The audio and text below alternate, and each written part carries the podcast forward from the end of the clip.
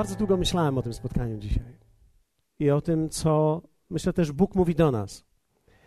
I mam nadzieję, że będziecie rozumieli moją intencję i mam nadzieję, że też będziecie rozumieli, że idę jakby w tą stronę z innego jakby kąta, że zachodzę temat z innych rzeczy niż do tej pory, ale dzisiaj będziemy mówili o tym, jak rozumieć Pismo Święte. Jak rozumieć Pismo Święte. Ojcze, dziękuję Ci za to, że dajesz nam wgląd w swoje słowo. I dziękuję Ci za to, że dzisiaj dla wielu osób, i wierzę w to, że dla wielu osób będziemy mogli otworzyć nasze oczy, zobaczyć, jak Ty działasz i w jaki sposób Ty chcesz mówić do nas. Proszę Ciebie, aby to spotkanie było szczególne dla tych, którzy są tutaj obecni, jak również dla tych, którzy nas oglądają. Dziękuję Ci za to, że Ty jesteś Bogiem, który otwiera oczy ludziom. W imieniu Jezusa. Amen. Ok, więc zanim wejdziemy w ten temat, jesteście zainteresowani? Jesteście zainteresowani? No, będziemy szybko szli dzisiaj. Ale słuchajcie, jak rozumieć pismo, zanim wejdziemy w ten temat, to przeczytamy kilka ważnych fragmentów, które nas skierują na właściwe tory, co samo pismo mówi o zrozumieniu siebie. Dlatego, że pismo również mówi o zrozumieniu siebie. Jak możemy je rozumieć? Jak możemy je czytać? I oczywiście dzisiaj nie będę dotykał praktycznych rzeczy. To, czy Biblia ma 66 ksiąg, że jest 39 Starego Testamentu, 27 Nowego Testamentu. Dzisiaj nie będziemy zajmowali się tymi szczegółami, które są ważne. Ale nie na dzisiaj. Nie potrzebujemy tego, żeby pismo rozumieć. Psalm 34, Dawid, który mówi o Słowie Bożym, mówi w Psalmie 34, w wersecie 9. Jeśli nie macie swoich Biblii, możecie zobaczyć na ekranach, pojawią się te teksty. Psalmie, mam nadzieję przynajmniej, Psalmie 34, w wersecie 9. Skosztujcie i zobaczcie, że dobry jest Pan. Błogosławiony człowiek, który u Niego szuka schronienia. Skosztujcie i zobaczcie, jak dobry jest Pan. Powiedzmy razem te słowa, ponieważ one są bardzo szczególne. Powiedzmy razem: skosztujcie i zobaczcie. Hebrajski tekst jest bardzo interesujący. Myślę, że opis, bardziej opisowy niż to, co widzimy od razu, patrząc na ten tekst po polsku przetłumaczony. Słowo skosztujcie oznacza dokładnie wziąć do ust i smakować, aż wejdziesz w dokładnie w ten smak, o który chodzi. Wziąć coś dokładnie do ust. Wiecie, to odnosi się Pana i odnosi się Jego słowa. Cały kontekst mówi tutaj o słowie. I Dawid mówi tak: skosztujcie, dotknijcie, posmakujcie i zobaczcie.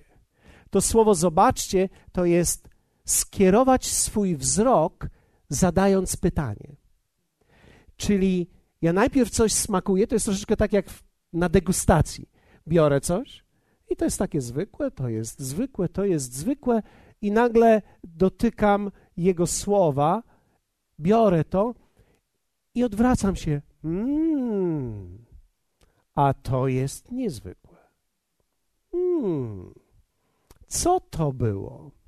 Czasami mamy degustację, mieliśmy święta, więc nie wszyscy są dzisiaj zafascynowani. Większość jest na, na styczniowych dietach, ale rzeczywiście tak jest, że Dawid mówi, że najpierw kosztujesz, a później zwracasz swoją uwagę, kierujesz swój wzrok na to, co posmakowałeś. I mówi tak: Błogosławiony człowiek, który u niego szuka schronienia. Szczęśliwy człowiek, który gdy skieruje wzrok, w tą stronę pójdzie i tam znajdzie swoje schronienie. I teraz, bardzo interesujący fragment, który dla wielu jest być może skomplikowany, ale Ewangelia Jana, 9 rozdział, werset 19 będziemy czytali do 30. On jest nieco dłuższy, ale opowiada pewną historię, więc myślę, że jest ciekawy. To jest historia młodego człowieka, który został uzdrowiony przez Jezusa i który był ślepy od urodzenia. Ten człowiek był ślepy od urodzenia, miał rodziców, był Żydem i urodził się ślepy, i Jezus uzdrawia go.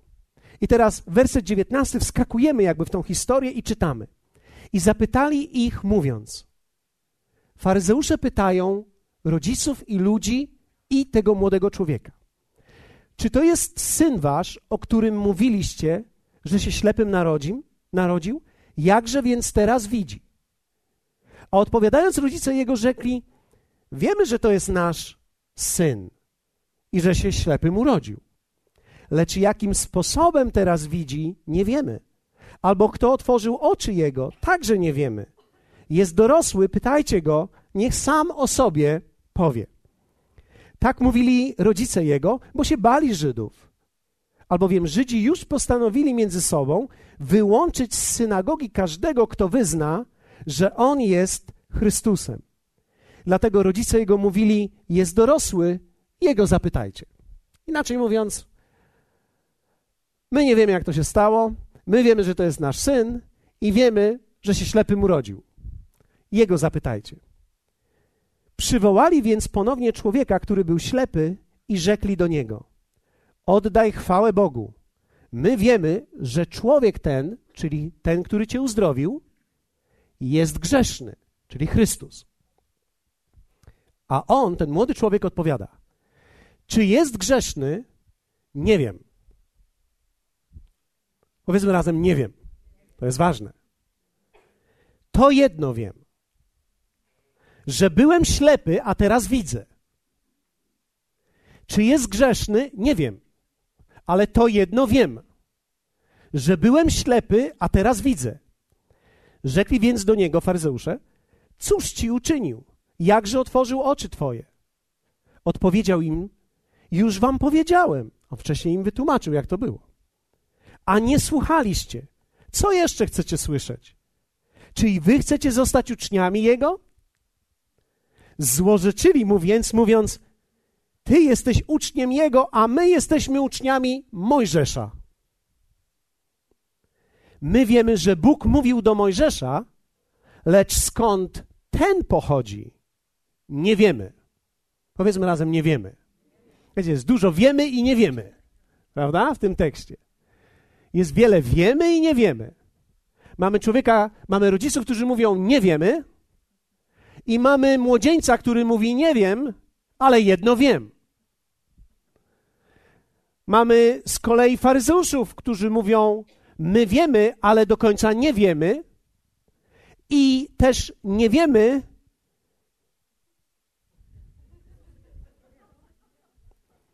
Ty jesteś uczniem Jego, a my jesteśmy uczniami Mojżesza. My wiemy, że Bóg mówił do Mojżesza, lecz skąd ten pochodzi, to my, faryzeusze, nie wiemy. Więc oni czegoś nie wiedzą, coś wiedzą, on coś wie i czegoś też nie wie. I to jest bardzo interesujące. Jesteście ze mną? I teraz zobaczcie. Oni mówią, skąd ten pochodzi, nie wiemy. I odpowiadając ów człowiek, rzekł do nich, ten człowiek młody mówi do nich tak. To rzecz dziwna, że nie wiecie. Skąd on jest? Przecież otworzył oczy moje. On mówi tak. To jest rzecz dziwna, że nie wiecie. Wiecie, my mówimy o faryzeuszach, o tych, którzy studiują tekst, o ludziach, którzy studiują pismo, o tych, którzy rozumieją pismo. I oni mówią: To wiemy, że jesteśmy uczniami Mojżesza, ale kim ten jest, to nie wiemy. Młody człowiek mówi: Czy on jest grzeszny, to ja nie wiem. Jedno wiem Byłem ślepy, a teraz widzę. I dziwię się, że wy nie wiecie. Przecież otworzył oczy moje. Zrozumienie pisma nie zaczyna się od studiowania pisma, ale od czytania pisma w kontekście. Zrozumienie pisma nie zaczyna się od studiowania pisma, ale od czytania w pewnym kontekście. I o tym kontekście będziemy czytać, bo ten kontekst jest bardzo ważny. Dlatego, że bycie teologiem nie gwarantuje zrozumienie pisma. Przynajmniej w Bożej intencji. Dlatego Jezus w Ewangelii Jana, zobaczcie, będziemy mieli wiele dowodów dzisiaj. I pokażę Wam, że teologia nie odpowiada na zrozumienie pisma. W Ewangelii Jana w piątym rozdziale, w wersecie 39 czytamy, Jezus mówi tak: Badacie pisma, bo sądzicie, że macie żywot wieczny, że w nich żywot wieczny, a one składają świadectwo o mnie. Ale mimo to do mnie przyjść nie chcecie, aby mieć żywot. Bardzo ciekawe. Życie Boże zatem nie przychodzi do nas przez samo studiowanie pisma, ale przez czytanie połączone z relacją z Jezusem. Zobaczcie, jakie to jest ważne. Jezus mówi: badacie pisma. Dlatego mamy ludzi, którzy mówią: Ja przeczytałem tą Biblię wielokrotnie. Pytanie nie jest ilokrotnie, ilukrotnie przeczytałeś Biblię. Pytanie nie jest, czy studiowałeś ją jako teolog. Pytanie jest, co wiesz, czego nie wiesz. Ten młody człowiek powiedział: Są pewne rzeczy, których nie wiem, ale to jedno wiem. Byłem ślepy, teraz widzę. Czyli zrozumienie zaczyna się od relacji z Jezusem. Zrozumienie pisma nie, nie zaczyna się od rozumienia tekstu. Zaczyna się od spotkania z Jezusem. To spotkanie z Jezusem, Twoje, moje, dopiero otwiera drogę do rozumienia, jaka jest intencja i jaki jest kontekst Boży. Dziękuję Wam za ten festiwal radości. Życie Boże nie przychodzi do nas przez samo studiowanie pisma, ale przez czytanie połączone z relacją. Dlatego w Ewangelii Łukasza w 18 rozdziale, w wersecie 16 Jezus mówi tak. Przywołał dzieci i rzekł: Pozwólcie dzieciom przychodzić do mnie i nie zabraniajcie im, albowiem do takich należy Królestwo Boże. Do takich należy Królestwo Boże. Dlatego nawet dzieci mogą poznać Pismo i Boga w nim.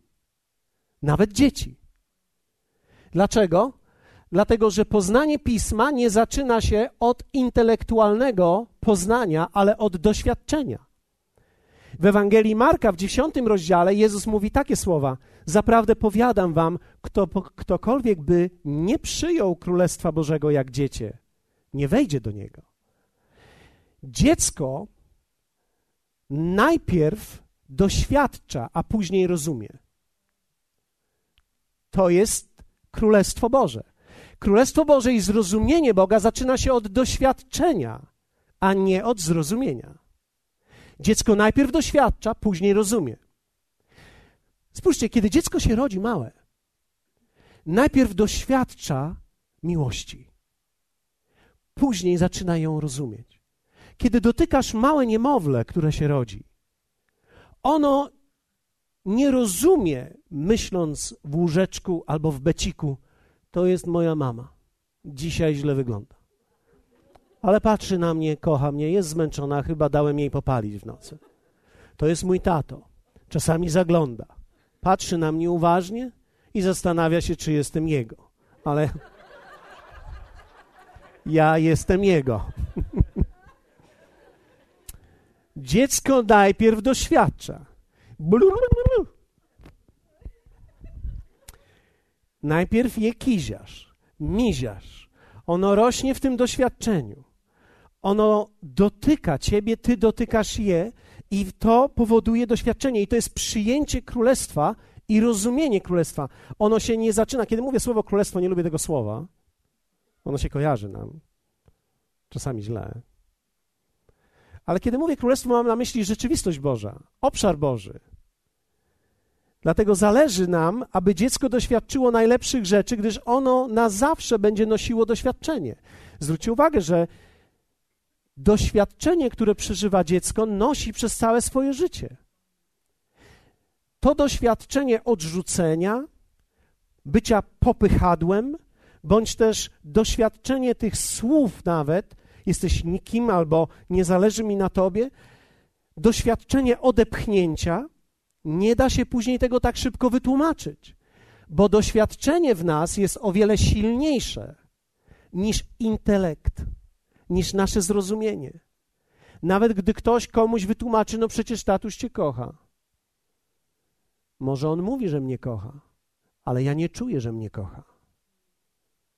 Jest wielka różnica pomiędzy doświadczeniem a intelektualnym zrozumieniem. Ktoś może mówić jedną rzecz, ale emanuje czymś innym. Zrozumienie pisma i królestwa zaczyna się od doświadczenia, a nie od wyjaśnienia. Większość ludzi nie ma problemu ze zrozumieniem tekstu, ale ze zrozumieniem intencji tego tekstu i doświadczeniem. Bo, teraz posłuchajcie, zrzucam bombę. Bez doświadczenia osoby nie ma zrozumienia intencji tekstu.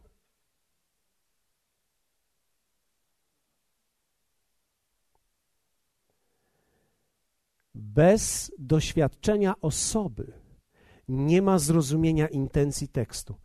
Pismo zostało nam dane nie po to, abyśmy je. Mamy tutaj dwa greckie słowa: gnosis, które oznacza intelektualne zrozumienie, i ginosko, które mówi o doświadczeniu i rozumieniu przez doświadczenie. Wiecie, czytać instrukcję jazdy na rowerze, a wsiąść na rower to są dwie różne rzeczy. Jeśli chodzi o rodzenie dzieci, ja zawsze będę teoretykiem. Ja mogę poznać instrukcję narodzin, mogę nawet pomóc komuś urodzić. Nie wiem, co bym zrobił, bo ogólnie ból i krzyk mnie przerażają, ale, ale nawet gdyby się udało mi powstrzymać wszystkie emocje typu uciekajmy stąd, to bym prawdopodobnie pomógł nawet komuś urodzić. Ale jak wielu z Was wie, że ja mogę być teoretykiem urodzin i narodzin, ale nigdy nie będę praktykiem. Ten, kto przeżył, i tu kobiety, matki mogą powiedzieć, te, które urodziły, wiedzą, co to jest. Wiedzą, jak to jest. Dlatego też pismo nie zachęca nas do tego, abyśmy my doświadczali, czy też rozwijali nasze gnosis, ale abyśmy doświadczali, rozwijali nasze ginosko. Czyli nie chodzi tylko o wiedzę intelektualną. Ja nie chcę powiedzieć, że ona nie ma znaczenia. Ja chcę powiedzieć, że ona nie ma znaczenia w pierwszym rzędzie. Dlatego, że ginosko to jest rozumienie przez doświadczenie. Nie można rozumieć pisma bez doświadczania najpierw. Dlatego też ludzie patrzą na Biblię, czytają ją. O, ja nic nie rozumiem. Zamykają. I teraz, jak ją zrozumieć? Nie zacznę od tego, że otwórzmy razem i ja ci wytłumaczę. Tylko ja cię wprowadzę w doświadczenie. I wtedy, zobaczcie, co się dzieje. Apostoł Paweł w liście do Koryntian od razu to rozszyfrował i powiedział tak. A mowa moja i zwiastowanie moje nie były głoszone w przekonywających słowach mądrości, lecz objawiały się w nich duch i moc, aby wiara wasza nie opierała się na mądrości ludzkiej, lecz na mocy Bożej. Nie na mądrości ludzkiej, nie na intelekcie. Wiara nie może oprzeć się na intelekcie. Na mocy Bożej się opiera. Czym jest ta moc Boża? To jest doświadczanie Boga, doświadczanie Jego działania. To jest doświadczanie tego, że On jest. Apostoł Paweł mówi, że wiara nie może mieć żadnych innych podstaw. Wszędzie tam, gdzie podstawą wiary jest intelekt, jest to puste i bezsensowne, nieprowadzące donikąd, albo raczej prowadzące na tak zwane bezdroża błędu. Ludzie, którzy podróżują intelektualnie w tak zwanym gnosis, na końcu sami nie wiedzą, jak się tam znaleźli, gdzie są. Bo to nigdy nie było Bożą intencją, abyś ty rozwijał intelektualnie swoją wiedzę w odnośnie Biblii ale abyś doświadczał tego słowa, bo wiara oparta jest i jej zrozumienie na mocy Bożej. Wiara nie opiera się na intelektualnym zrozumieniu, ale na doświadczeniu, które później jest wyjaśnione. Apostoł Paweł w liście do Koryntian mówi dalej: Ja jednak przyjdę do Was wkrótce. Troszkę się odgraża. Jeśli Pan zechce. I zapoznam się nie ze słowem pysznych, lecz z ich mocą. Apostoł Paweł mówi tak: OK, nadchodzi dzień konfrontacji. Przyjadę do Was, ponieważ powstali ludzie, którzy byli intelektualistami, którzy próbowali wytłumaczyć, jak to naprawdę wygląda, bo Ty Ewangelię musisz zrozumieć. To nie jest możliwe. On mówi: Ja przyjadę i skonfrontuję ich. I nie będziemy dyskutować. Nie będziemy dyskutować. Zmierzymy się z mocą. Ty zrobisz cud i ja zrobię cud i zobaczymy, który będzie większy.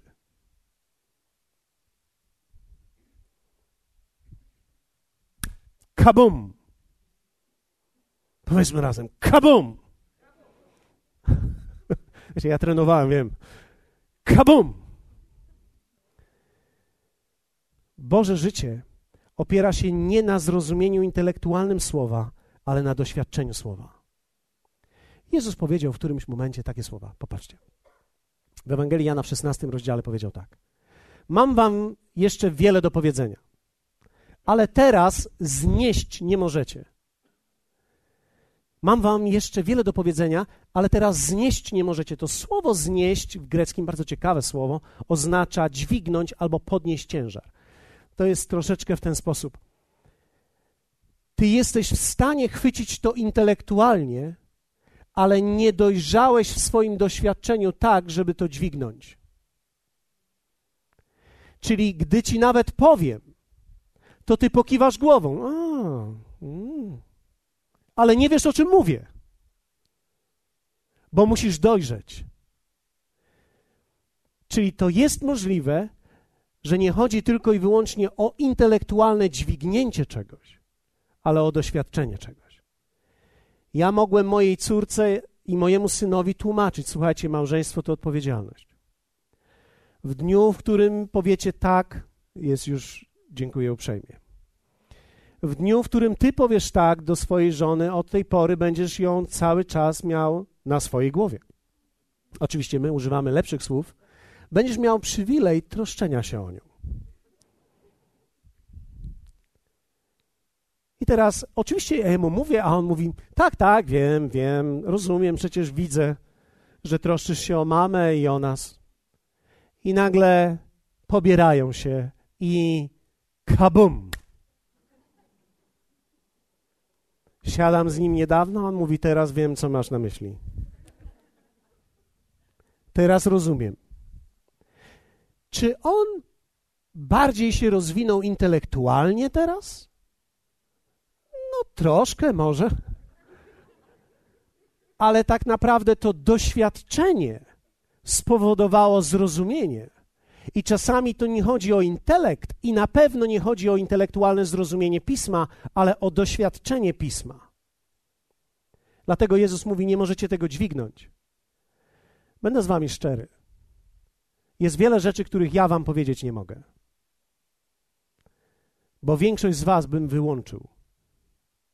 Bo nie jesteście życiowo w tym miejscu.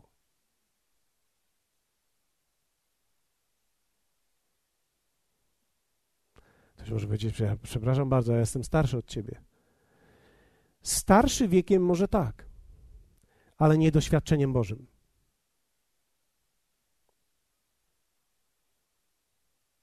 Ale cisza. Pierwszy, aż słychać wszystkie telefony komórkowe. Pierwszy Jana 1, 1, 3. Zobaczcie, jaki Jan o tym pisze. Jan pisze o tym. Interesuje was to? To jest ciekawe. Będzie lepiej, za chwilę będzie lepiej. Myślę, że to jest dopiero wstęp. Ja wiem, że niektórzy myślą, kiedy będzie w takim razie rozwinięcie, ale ja nigdy nie mam rozwinięcia, ja mam tylko wstęp i koniec. Jest. To dla pociechy pozostałych. Pierwszy Jana, pierwszy rozdział. Jan pisze do kościoła tak. Co było od początku, co słyszeliśmy, i teraz, co oczami naszymi widzieliśmy. Inaczej mówiąc, na własne oczy. Na własne oczy. Na co patrzyliśmy i czego ręce nasze dotykały. Inaczej mówiąc, własnymi rękami. O słowie życia. A życie objawione zostało i widzieliśmy i świadczymy i zwiastujemy wam ów życie wieczne, które było u Ojca, a nam objawione, wyjaśnione zostało. Co widzieliśmy i słyszeliśmy, to i wam zwiastujemy. Powiedzmy razem, widzieliśmy na własne oczy. Dotykaliśmy. To wam zwiastujemy, abyście i wy. I teraz zobaczcie. Posłuchajcie. Potrzebuję waszej, waszego zaangażowania teraz chwilę intelektualnego. Dlatego, że tu jest bardzo ważne. Abyście i wy nie rozumieli. Jan nie mówi, że my wam zwiastujemy i mówimy o tym, abyście i wy w końcu zrozumieli. Nie, nie, nie, nie, nie. Abyście wy społeczność z nami mieli. Inaczej mówiąc, co to znaczy społeczność mieć? Doświadczać tego samego. Czyli my do Was mówimy i głosimy Wam, co myśmy na własne oczy widzieli, własnymi rękami dotykaliśmy. To Wam mówimy nie po to, abyście rozumieli, ale abyście to samo doświadczyli i mieli z nami społeczność. Bo mieć społeczność oznacza doświadczać tego samego.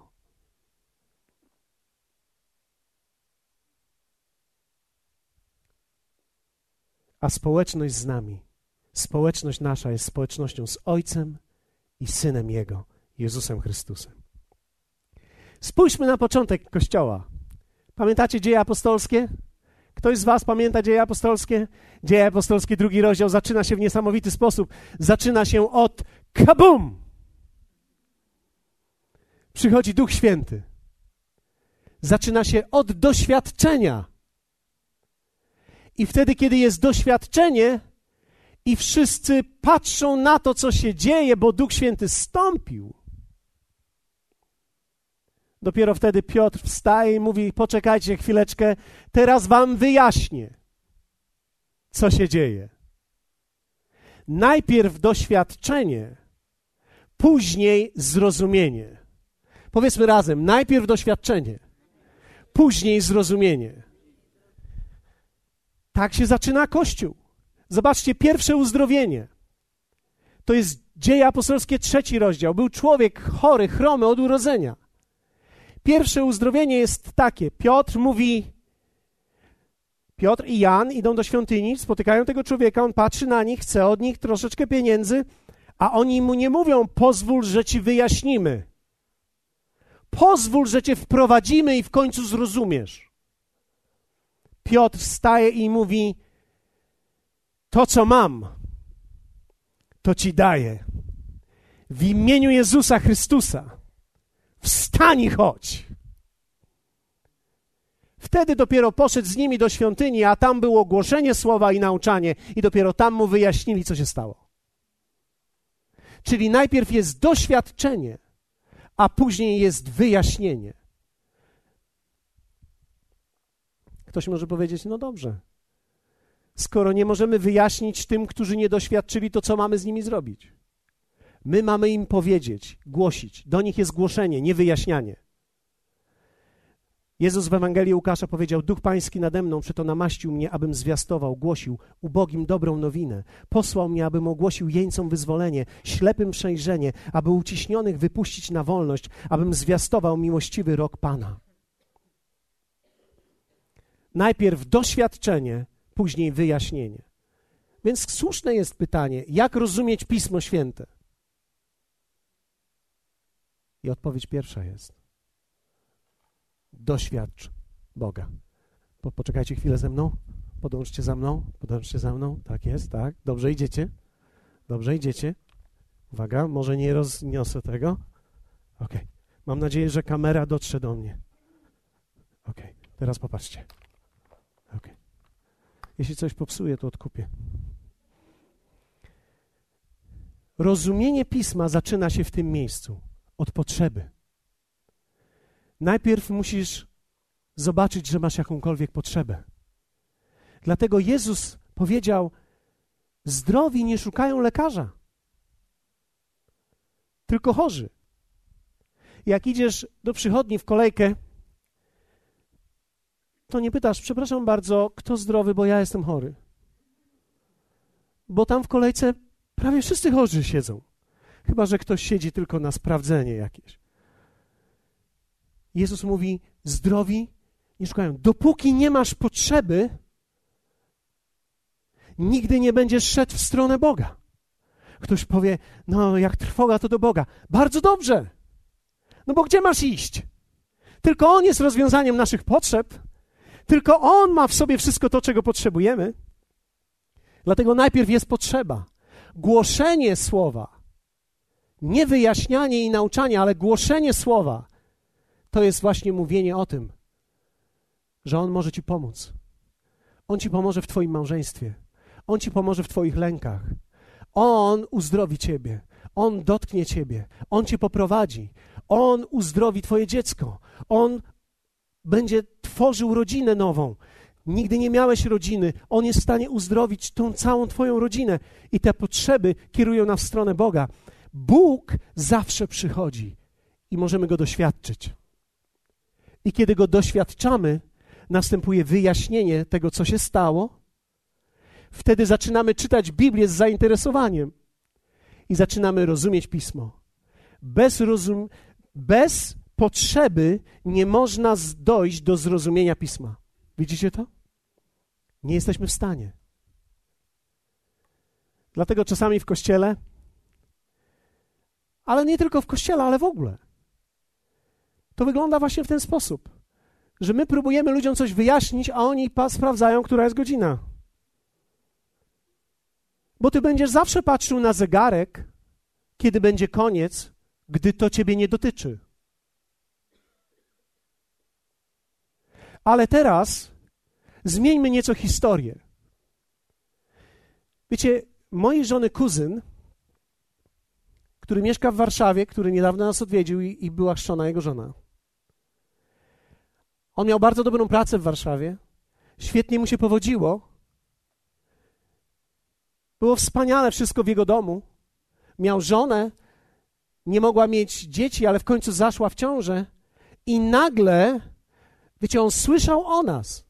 Słyszał o kościele. Słyszał o Ewangelii. Ale nie był zainteresowany. No bo bogatemu trudno jest wejść do Królestwa Bożego. I to wcale nie chodzi o pieniądze tylko. Tylko bogaty, inaczej mówiąc, człowiek, który nie odczuwa żadnej potrzeby, nie ma potrzeby uświadomionej. Ciężko mu jest wejść. Więc on sobie chodził i żył. Ale nagle rodzi się dziecko. Dziecko urodziło się z zespołem Downa. Szok dla całego domu i dla nich również. Dlatego, że nie wykryto wcześniej tej choroby i kiedy się dziecko urodziło, lekarze nie chcieli przyjść do pokoju, żeby jej o tym powiedzieć. I ona mówi, to trwało godzinę. I kiedy przyszli i powiedzieli mi, trwało we mnie, mówi, Agnieszka powiedziała mi to, godzinę, żebym zaakceptowała to dziecko. I od tej pory nie mam żadnego problemu z tym. I wiecie co? On stracił pracę. I nagle rodzi ci się chore dziecko, tracisz pracę, jest problem z utrzymaniem domu, i on wtedy zaczyna, zaraz, o co chodziło z tą Ewangelią? Zaczął szukać na internecie. Znalazł nasz kościół. Zaczął ściągać kazania i do telefonu ściągnął sobie kilkadziesiąt kazań od razu. I mówi: Może chyba warto byłoby, żebym posłuchał. I zaczął słuchać. Zaczął biegać. Miał więcej czasu, bo nie miał pracy. Zaczął biegać po lesie. Miał dystanse na jedno kazanie i na dwa kazania. Bardzo ciekawy dystans. Niektórzy siedzą i nie mogą wytrzymać, a on biegał. I któregoś dnia, po drugim kazaniu, wybiegł z lasu i wiedział, że jest gotowy, aby Jezus przyszedł do jego życia. On mówi: Ja nie wiem, jak to wygląda, nie rozumiem niczego. Wiem tylko tyle, że dzisiaj potrzebuję Ciebie i jeśli przyjdziesz i mi pomożesz, będę Ci służył. Potrzeba skierowała go w stronę Boga. I nagle Bóg przyszedł do jego życia. I on mówi: Stałem tam z podniesionymi rękami i czułem, że po raz pierwszy w życiu jestem czysty. Czułem, że po raz pierwszy należę do Niego, a On jest moim Ojcem. To nie był intelekt, to było doświadczenie Boga. I to doświadczenie Boga dopiero zaprowadziło go do kościoła. Kiedy się nawrócił, ubrał się w garnitur i znalazł kościół w Warszawie i mówi: Poszedłem i powiedziałem pastorowi: Oto jestem. Nawróciłem się i nic nie rozumiem. Czy ktoś mógłby mi pomóc? Dlatego, że zrozumienie pisma nie zaczyna się od intelektualnej podróży. Zaczyna się od doświadczenia. I wtedy odkrywa to wszystko nowe. Kiedy czasami nauczamy ludzi, ludzie patrzą na zegarek, ziewają, niektórzy nawet nie ziewają już. Bo to jest troszeczkę tak, jakbym ci czytał instrukcję obsługi urządzenia, którego w ogóle nie masz.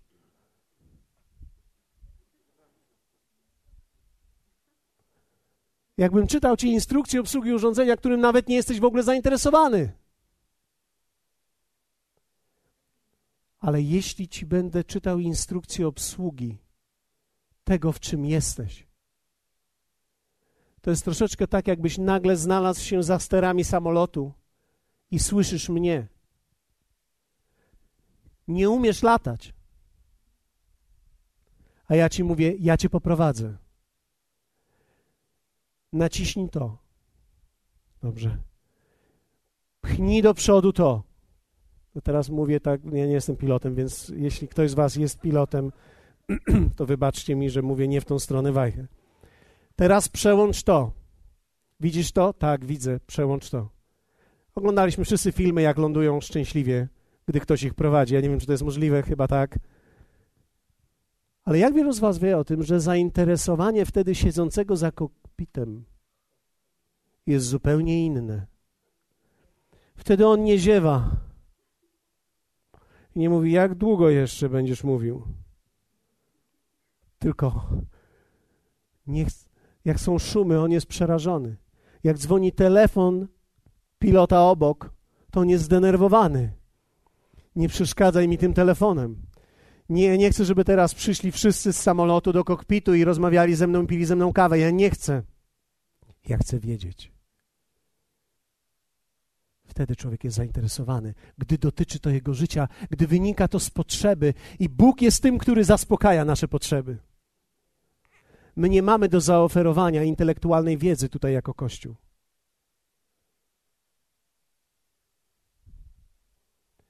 Ale to, co mam, to Ci daję.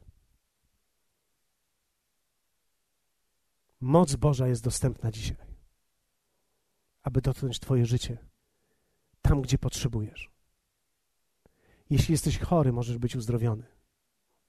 Jeśli jesteś związany przez nauk, możesz być uwolniony. Jeśli postawiłeś kreskę na sobie, Jezus może przyjść i objąć Ciebie. Ja nie mam do zaoferowania intelektualnych rzeczy. Jako Kościół nie mamy do zaoferowania studiów teologicznych. Ale mamy do za zaoferowania to, co mamy. Moc Bożą, która jest obecna tutaj. Była obecna w swoim Kościele zawsze. I on zawsze chciał działać. W tym tygodniu dostałem taki list. Dostałem go po angielsku. W zeszłym roku, na początku roku, w około marca, miałem okazję głosić na jednej z konferencji dla pastorów. Jeden z pastorów miał wypadek. Dostałem taki list. Bracie Pawle, na ostatniej konferencji dla pastorów w Tennessee, której modliłeś się o mojego męża, on jest pastorem w kościele, miał całkowite zniszczenie kręgosłupa z powodu cięcia drzewa. Miał wypadek. kiedy modliłeś się, został uzdrowiony. Tego lata pomalował cały dom na zewnątrz, dwupiętrowy na rusztowaniu, jako dowód, że został uzdrowiony. Człowiek, który ma zraniony kręgosłup, nie maluje domów na zewnątrz, na rusztowaniu.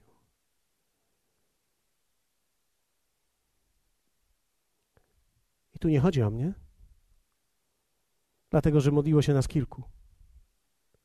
Ale Boża moc jest dostępna. I to jest to, co tak naprawdę otwiera drogę ku zrozumieniu. Nigdy nie zrozumiesz Pisma Świętego, dopóki nie zaczniesz doświadczać Boga. Jak rozumieć Pismo? Zacznij doświadczać Boga. A doświadczenie Boga wprowadzi cię dalej w potrzebę wyjaśnienia tego, co się stało. Kiedy byliśmy na spotkaniu Alfy i stanęliśmy razem w modlitwie, my nie mamy tym ludziom nic do zaoferowania, ale Duch Święty ma, więc poprosiliśmy go, aby on przyszedł. Zwyczajna modlitwa. Stoimy, śpiewamy i mówimy: Duchu Święty, przyjdź.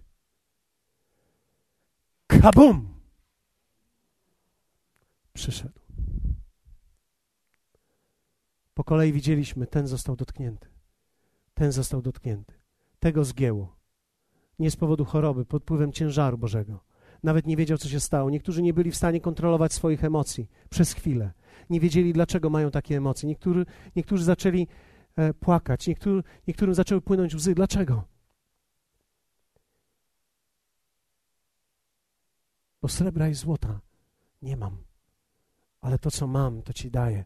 Oferta Kościoła zawsze jest ta sama. To jest Duch Święty, który działa w swojej mocy. I dzisiaj będziemy modlić się o Twoją potrzebę i o Twoje potrzeby, o Wasze potrzeby. Pomyśl chwilę, o co chciałbyś się modlić. Będziemy mieli tutaj stanowiska modlitwy i będziesz mógł wyjść do przodu ze swoją potrzebą, bo dokładnie to poprowadzi Ciebie dalej w stronę Boga, w stronę doświadczenia i kiedy doświadczysz, zaczniesz szukać. Niektórzy z Was będą mogli doświadczyć Boga tak, jak nigdy wcześniej tego nie doświadczyli. I wtedy przyjdzie zrozumienie Pisma. Nie ma zrozumienia Pisma bez doświadczenia Boga, bo inaczej jest to tylko i wyłącznie intelektualna polemika. Dlatego apostoł Paweł mówi: Kiedy przyjdę do Was, nie będę z Wami kłócił się na wersety, ale zmierzę się z Waszą mocą. Dunamis, moc, aktywnie działająca. I to jest to, co będziemy robili dzisiaj.